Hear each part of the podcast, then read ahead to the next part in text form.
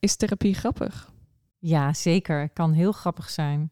Je kunt lachen om je probleem. En het helpt ook nog om ervan af te komen. Nou, is dat niet leuk? Door te lachen kom je van je probleem af. Zeker, ja. Dit is de podcast waar we onderzoeken of je humor kunt gebruiken in therapie, coaching en andere hulpverleningsvormen. Adelka Vendel is specialist in provocatieve psychologie en gebruikt al jaren met veel succes humorinterventies in haar praktijk. Gewapend met uitdagende uitspraken stelt Adelka zich op als een warme plaaggeest. Ze gebruikt de humor nooit ten koste van haar cliënt, maar altijd ten dienst van het probleem. Humor is het smeermiddel in de communicatie. Hey Adelka. Hey Antoinette. Hoe was je dag? Nou, mijn dag was heerlijk. Ik ben blij dat ik binnen zit, want het is gewoon hartstikke warm hier. En ik was heel vroeg op, want ik had om kwart over acht al een cliënt. Dat is voor mij een beetje uitzonderlijk, want ik begin meestal rond een uur of tien. Kwart over acht een cliënt. Ja, Dan moet je om kwart over acht al grappig zijn. ja precies. Want dat is wat je de hele dag doet, grappig zijn. Nou, dat is wel goed van vandaag. Ik gebruik de humor alleen maar als hij ten dienste staat van het probleem wat je dus ook zei. En vandaag merkte ik van, oh, zij heeft eigenlijk meer behoefte aan iets meer structuur en een stappenplan. Het ging om een opvoedingsprobleem. En eh, nou, dan hoef ik niet per se die humor er doorheen te eh, gooien. Maar ik merk gewoon, ik kan gewoon niet meer zonder. En het is gewoon ook goed. Want één ding hebben we gewoon heel erg overdreven. Dat ze er iets niet kon. En dan merk je gewoon in dat gesprek. Gewoon gelijk weer even. Ja, even lucht. Even lucht, dat is Ja. wat humor doet. Ja, even lucht. Oh, wat fijn. En eh, nou ja, is dit wat je de hele dag doet als provocatieve psycholoog? Een beetje grapjes maken, een beetje lachen, een beetje mensen uitdagen. Ja, ik ben mensen aan het plagen en uitdagen. Maar dat heeft allemaal een doel. Dat is niet, zozeer, niet zomaar om mezelf beter te laten voelen. Maar het heeft echt wel. Een, eh, ja, wat je zei, het staat ten dienste van dat eh, mensen hun probleem anders gaan bekijken. Dat ze wat meer creatiever worden.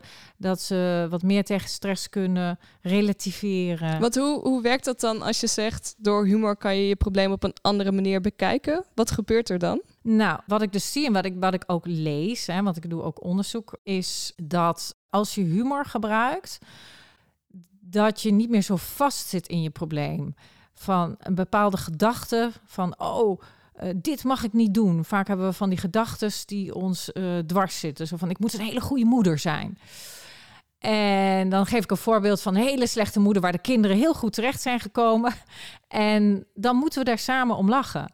En zeg ik van ja, eh, volgens mij kan het wel een beetje slechter. Je doet ze juist een, je, je, je, je zal ze een dienst eh, bewijzen als je goed, als je een slechte moeder bent. En daardoor ontspant iemand. En wat ontspanning dan doet, is dat je anders kunt kijken naar jezelf. Wat ik vermoed is dat er gewoon wat meer mildheid. Dat, dat zie ik in mijn praktijk. Dat ze zien. Mildheid door, door anders te kunnen kijken.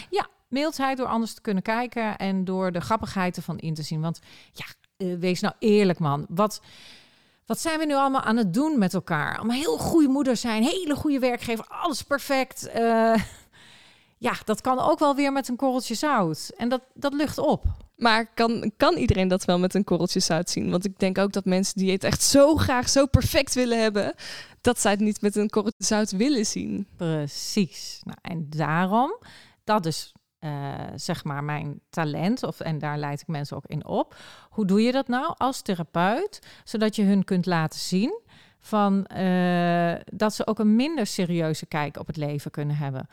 Want dat heeft altijd voordeel in de zin van dat je jezelf wat meer ruimte geeft om ook fouten te maken. Want dat is de, de grootste boosdoener hè, in problemen, dat mensen zich veroordelen. Mensen mogen geen fouten maken. Nee, nou ja, anderen wel, maar ik zelf niet.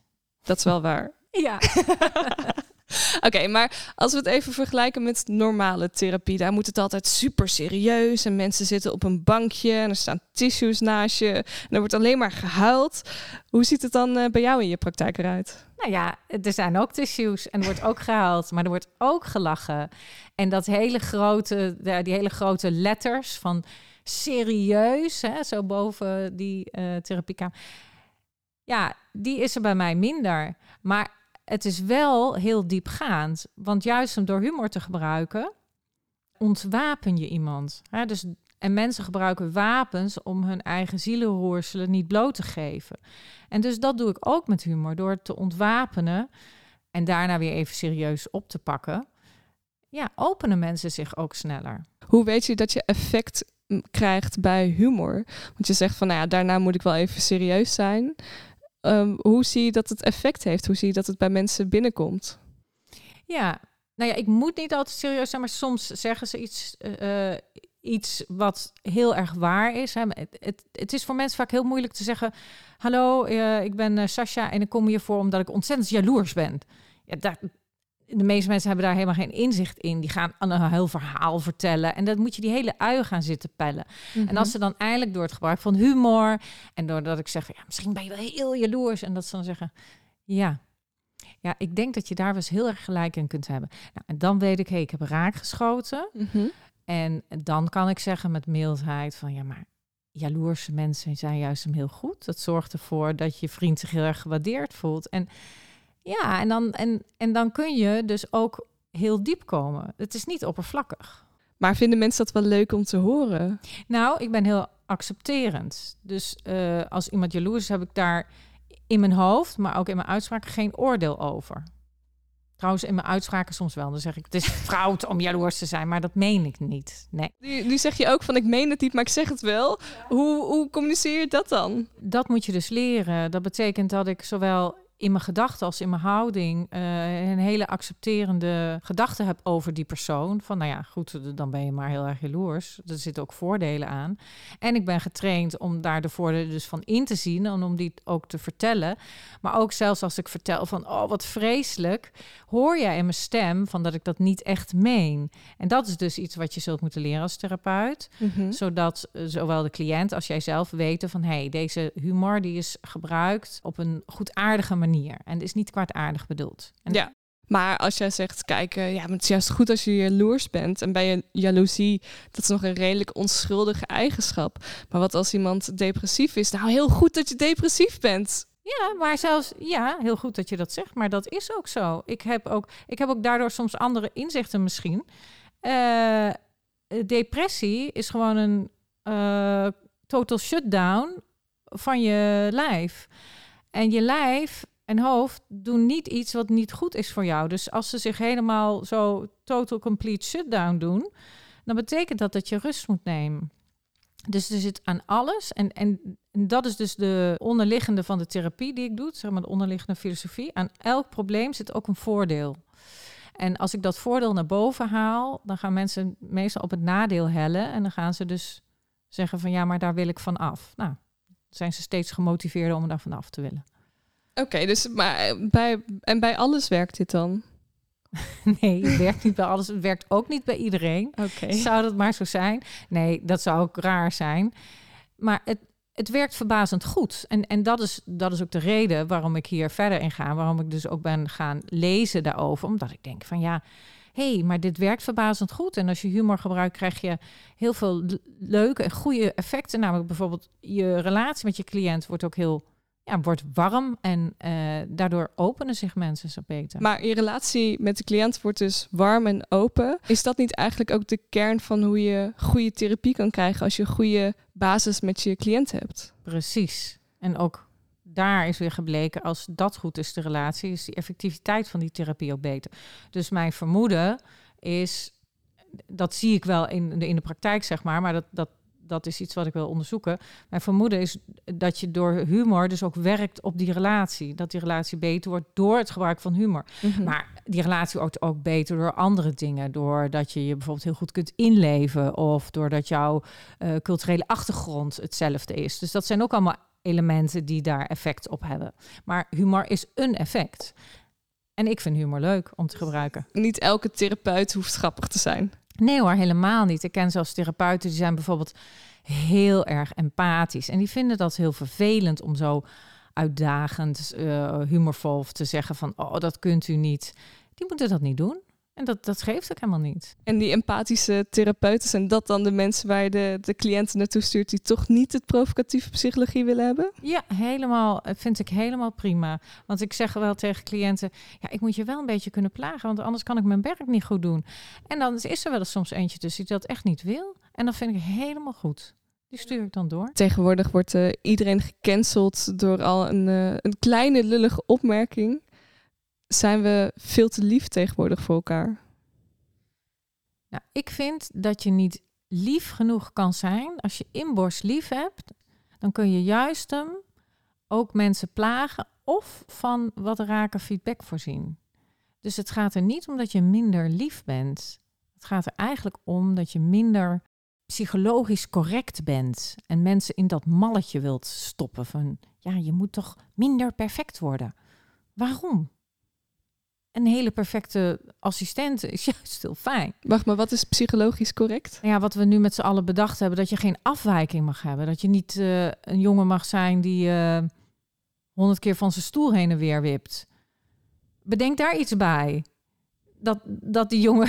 Maar gaan mensen daar niet zo op veroordelen. en, Mhm. en dat is het leuke aan de, aan de humorvolle therapie. Die ziet juist hem, oh, iemand die heen en weer wipt. Nou, wat kunnen we daarmee doen? Ja, jij, jij zegt allemaal dingen waarvan ik denk, ja, oh, dat zijn dingen die ik alleen maar in mijn hoofd mag denken, maar nooit tegen iemand mag zeggen. Ja, daarom. Dus eh, ja, dat is soms wel een beetje lastig in deze cultuur. Want we gaan, moeten steeds meer toestemming vragen aan elkaar. hey, mag ik dit zeggen? En ja, dat geeft niet. Dat is zo. Maar ik, je moet wel lief blijven. Maar daarin weet ik van eigen ervaring dat mensen ook vaak bij de therapeut en ook bij elkaar vaak willen. Ja, ik wil wel iemand die me de waarheid zegt. Maar vaak als je de waarheid zegt, dan gaan mensen zich verdedigen. Terwijl je als je dat op een humoristische manier doet, dan kunnen ze dat hebben. Want dan voelen ze, oké, diegene heeft geen oordeel over, die merkt het gewoon op. En ik mag zelf bepalen of ik daar wel of niet iets aan doe. Terwijl de maatschappij is nu heel erg, ja, je moet daar iets aan doen, anders ben jij een fout persoon. En dat gaat natuurlijk altijd wringen. Maar zo voelt het ook dat als je gewoon je impulsen zonder oordeel vertelt, dat dat ook al minder schadelijk is dan het maar binnenhouden. Nou, dat lijkt me heel goed, want alles wat je binnenhoudt komt er toch weer uit. Dat is net een ballon die je onder water drukt. Als je dan even, ja, de energie niet meer hebt, omdat ze on- komen er allemaal snerende opmerkingen. Dat ken je wel van stelletjes die, die dan naar elkaar allemaal opmerken. Maar dan denk ik, oké, dat gaat niet zo goed tussen hun. Want dan is die energie even weg. Dus je kunt beter daar een goede vorm voor vinden. Dat zou goed zijn, een goede vorm voor vinden. En niet zo mensen politiek correct hele tijd beantwoorden. Je moet zo zijn of je moet zo zijn. Maar soms is het gewoon wel grappig hoe mensen doen. En dat is ook leuk, omdat dat is jammer als dat weg zou gaan. Dat we dat niet meer elkaar mogen vertellen of daarover mogen lachen. Want dat helpt zo. Dus je mag gewoon zeggen van, hey, wat, wat, wat ben je een beetje raar. Mag je dat zo zeggen? Ja, wat ben jij? Wat ben je gezellig raar. Al die mensen die alsmaar normaal zijn. ik vind dat wel echt leuk. En daarbij is ook belangrijk dat je iets noemt wat je echt meent. Het is eigenlijk zo, dan moet je op zoek gaan. Net als bij pubers. Als je die, je moet je ook belonen. En dan denk je vaak van, oh, dan moet ik alleen maar straffen. Maar je moet heel, je moet een soort met zo'n loop kijken van, ja, wat doet diegene goed? Ja, hij spoelt de wc goed door. Dan denk je, nou ja, belachelijk, dat moet toch iedereen? nou, sorry hoor, maar bij mij dus niet. En, en dus dat je ze gewoon daarvoor beloont. Oh, fijn. Deze hele dag heb ik geen poepstrepen hoeven krabben. Nou, dat is al zo Moet grappig. je daar mensen voor belonen? Ja, inderdaad. Ja, bij mij thuis wel. nou ja, en ook daar, dan kan ik in mijn hoofd denk ik dan, oh wat raar dat ik het zeg, maar ik denk ook van, ja, maar ik zie er ook de humor ervan in. Eh, dat geeft ook niet. Ja, we zijn ook soms zo bang om elkaar dit soort rariteiten te vertellen. Maar belangrijk is wel focus op wat iemand goed kan. Dat is leuk. Wat, wat is gezond aan iemand? Wat is eigenlijk exceptioneel grappig, leuk? eh, en vertel dat dan. Mooi. Ja. Hoe weet je dan wanneer een cliënt tegen een stootje kan, tegen een grapje kan? Nou ja, wat het belangrijke is, is dat je allebei, zowel eh, cliënt als therapeut, weet van hey, de, ehm, de humor is goedaardig gebruikt. En als de cliënt dan toch van mening is, ondanks dat ik precies hetzelfde doe als bij anderen, van ja, maar dit is kwaadaardig bedoeld, dan wordt diegene daar narrig van en denkt hij van. ehm, ja, dit, ik word niet goed behandeld. Dus da- daar, daar heb ik dan uiteindelijk geen invloed op. Dus die cliënten die dat dan toch niet willen, vind ik helemaal goed die gaan naar een andere therapeut. En je zegt goedaardige humor. Wat voor soorten humor gebruik jij in je therapie dan? Nou, dat is misschien wel leuk om uh, even naar de wetenschap te gaan. Want toen ik begon met dat provocatieve coachen en die provocatieve therapie, zeiden mensen tegen mij: Oh, maar is dat dan niet erg? Kun je mensen niet heel erg kwetsen daarmee?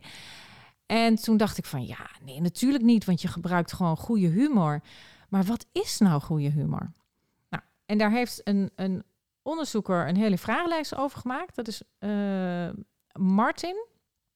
En uh, die heeft gezien van ja, eigenlijk is humor een soort multidimensioneel concept. Dus er is niet één soort humor of zo. En hij heeft er vier gedefinieerd. En daar kan ik wel iets over zeggen.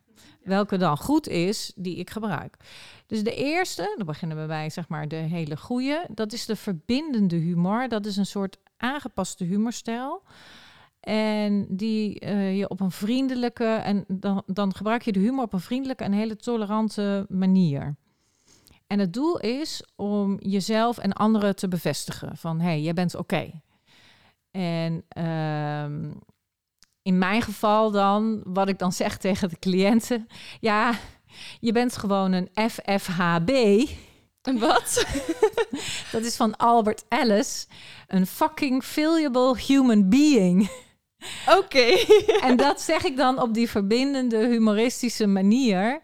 Omdat, ja, het gaat natuurlijk over problemen, over dingen waar het mis is gegaan. En dan zeg ik, ja, je bent gewoon een FFHB'tje. En dan moeten we daar heel erg over lachen. En dat maakt dat uh, ja, ik op een hele vriendelijke manier zeg: Ja, je bent gewoon heel menselijk. En dat is heel fijn. Dat maakt dat dat mensen zich openstellen. En het effect van die verbindende humor is dus dat je hè, het verhoogt de menselijke cohesie en de aantrekkingskracht. Dus ik oh. zou dit gebruiken als je in de kroeg zit. Maar wacht even, want als, ik, dit zou lezen en ik zie alleen maar van... hé, hey, ik vind jou een falend persoon... dan komt dat natuurlijk heel anders over dan hoe jij dat nu net deed. Ja. Dus het is de toon ja. die de muziek maakt. C'est le ton qui fait la musique. Dat moet je leren. Dan weten, dan kijken ze me weer aan en dan denken ze, uh, het klopt wel, maar Adelka meent het niet. En dan moet je lachen. Ja. Dus die, dat is verbinden, dat verbindt. En misschien zeg ik dan ook iets over mij, dat ik ook al ergens een fout heb gemaakt. En dat is dat verbindende element. Ja, precies. Want als ik aan verbinden denk, dan uh, heb ik het gevoel dat de therapeut ook moet zeggen dat het maar een mens is. Mm -hmm. Maar ik wil ook niet altijd horen van een therapeut hoeveel fouten hij zij zelf maakt. Nee, je hoeft niet te koop te lopen met fouten. Maar ja, bepaalde menselijkheden dat je dat hebt. Uh, bijvoorbeeld het, uh, de liefde voor heel lekker eten en daarvan aankomen of zo. Dat kun je misschien samen delen. Of, of ik smeet altijd een bondje met moeders die ook zonen hebben. Weet je, dan ja, dat verbindt gewoon en dat ja. is leuk. Dan als tweede heb je de zelfverrijkende humor. Dat is ook een aangepaste humorstijl. En, uh, maar dat, is, dat heeft meer de focus op anderen. Hè, dus je hebt een humoristische kijk op de wereld. En uh, je kunt anderen amuseren. En je kunt heel goed kijken naar wat er allemaal misgaat in de wereld. En daar kun je dan een grapje over maken. En het voorbeeld daarvan zijn de oude mannetjes van de Muppet Show.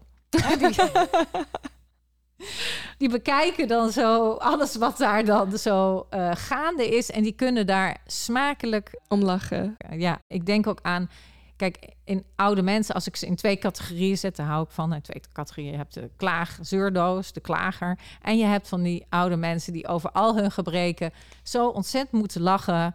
En uh, die gaan pootje haken bij elkaar als ze in een rolstoel zitten. En daar hebben ze zo'n lol over. En dat vind ik leuk. En die, die mensen, die zie je ook. Is ook uit, komt ook uit het onderzoek. Dat is positieve correlatie met optimisme, zelfwaardering. Het heeft een negatieve correlatie met depressie en angst. Nou, dat zijn bij uitstek dingen die ik behandel. Ja. Dus ja, eh, ik, dus deze zelfverrijkende humor en die verbindende humor zijn heel belangrijk om die te kunnen als therapeut. Ik heb ooit uh, geleerd als ik een enge film keek, dan had ik twee opties. Of heel dicht uh, bij iemand knuffelen en uh, wegkijken. Of alles wat ik eng vond, heel hard om lachen. Precies. Oh, dan ga je het een beetje weglachen. Ja. En dan, dat is trouwens ook een hele mooie.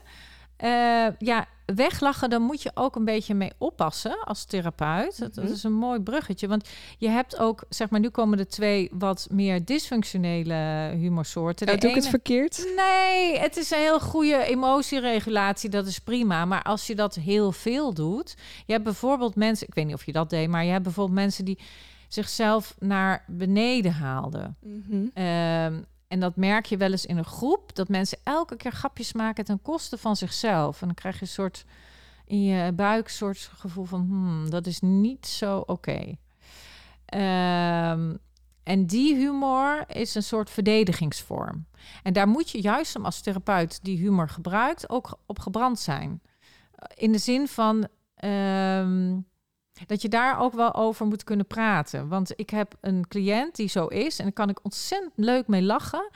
Maar laatst dacht ik van, nou, dat kan ook wel eens een verdedigingsmechanisme zijn. En toen had ik het er meer serieus over. Mhm. En dan zei hij ook van, ja, ik vind het ook eigenlijk moeilijk. Als ik het heel moeilijk vind, dan lach ik, dan lach ik daarover. Ga ik daar wel eh, dan weer een beetje provocatief op in. Maar ik moet het onderwerp wel aansnijden. Want ik moet dat wel in de gaten houden. Want anders gaan we zelf alleen maar lachen. En dan heeft hij het niet over zijn problemen. Dat is niet de Ja, bedoeling. want hoe ga je daar dan provocatief op in? Nou, dan zeg ik, oh wat goed dat je dat niet laat blijken. Want ja, anders moet ik weer serieus. En ach, er zijn er zoveel serieuze mensen. Dus ik ben Ik merk echt dat mijn haren gewoon overeind gaan staan. Van als iemand dat zo tegen mij zou zeggen, echt zo, nou, ik wil gewoon even lachen, oké. Ja, maar dat is goed. Want er, kijk, als je wil dat er beweging komt in een vastzittend systeem, dan, dan zul je ook met iets grover geschud moeten komen, denk ik, dan alleen, ja, wat voel je daar nu bij? Hè? Dan chargeer ik een beetje. Maar ja. ja, maar dat is, ja, dat is ook een beetje een, zeg maar het aard van het beestje. Maar daarmee krijg je wel beweging. Als, als hij maar merkt van, dat meent ze niet. En dat merkte hij wel. Ze had het wel aangestuurd. En elke keer als hij het dan weer doet, dan zeg ik van... Ik ben blij. Ik hoop dat je dit wel weggelachen hebt, hoor. Dus dan hij maakt je dus eigenlijk wel expliciet... en dat het een thema is, maar dan wel op een provocatieve, meer humorvolle manier. Wauw. Het, eh, het voelde bijna als zo'n moeder die zegt van... Nou, ik hoop wel dat je het nu lekker weggelachen hebt. Maar hoe jij het zegt met zeg maar zo'n open ogen en zoveel liefde... denk ik, ja, oké, dan, dan komt het minder hard binnen... en voelt het meer als een... Oh ja, hier moet ik op letten dan een... eh, blijf gewoon lekker zelf doen wat ik wil. Ja, precies. Want eh, dat is heel belangrijk, dat je niet iemand afblaft. Dat is niet de humor. Want dan, je hebt ook een agressieve vorm van humor. Dat is die laatste humor. Dus dat is ook, dat is ook een beetje een dysfunctionele vorm van humor. Alhoewel, ik, dat is wel grappig. Ik heb, het is ook wel weer cultureel bepaald. Want ik heb één onderzoek gelezen uit Israël. En daarin is gebleken dat die agressieve vorm van humor juist een cliënten aangezet heeft tot verandering. En eh, terwijl in heel veel andere onderzoeken dat niet is. Maar ik, ik weet niet, heb je wel eens met Israëliërs gereisd? Nee, nooit. Nou, ik, ik heb dat gedaan toen ik 21 was. En dat was de meest luidruchtige. Nou, naast Nederlanders. Die zijn trouwens ook heel erg luidruchtig. Maar de meest luidruchtige groep. En assertieve groep die ik kende. En dus dat kan best wel eens een beetje cultureel bepaald zijn. En dat zie je ook, want die soorten humor, mensen die heel lief en vriendelijk zijn, die houden. Maar wacht even, heb je een voorbeeld van agressieve humor? Want ik denk meteen aan mannen die elkaar in hun ballen trappen. Wat, wat is agressieve humor? Nou ja, mannen die vrouwen bij de poesie grijpen. Dat is agressieve humor. Eh, hè, zonder rekening te houden met de negatieve impact op mensen. Dus, dus, dus publiekelijk zeggen van... eh, oh, nou, dat vind jij vast wel lekker. Het is gewoon eh, seksistisch, denigrerend... waar het bedoeld is om te kwetsen. Het zijn, dat zijn de vormen van humor... eh, waarvan je zegt van... ja, dat zijn ongewenste omgangsvormen. Maar het, zijn, het lijken wel heel erg de dingen die jij net ook hebt gezegd in de positieve manier, maar dan met een zwaardere ondertoon. En is het dan iets meer cultureel bepaald dat sommige mensen steviger in hun schoenen staan en daardoor het geaccepteerder vinden als, ze, als er harde dingen worden gezegd? Nee, want dan grijp ik terug op wat je net zei. Jij kan wel bij mij meestal voelen van hé, hey, ze meent het goed. En daar moet je op getraind zijn dat het een keer wel eens misgaat. En dat, dat gaat het bij mij ook wel eens. Dan denkt iemand, oh, ze meent het niet goed. En dan kreeg ik laatst ook een klacht. Nou ja, dan moet ik dan uitleggen. Ik zeg van ja, dat Mhm. is goed bedoeld. Dus meestal gaat het goed. Maar dat het een keer misgaat, is voor mij geen reden om deze therapie niet te doen. Want Ja. dat, dan vind, dat vind ik te zonde. Het is een te mooi instrument. Stel, er loopt iemand met zijn hart onder zijn ziel bij jou naar binnen.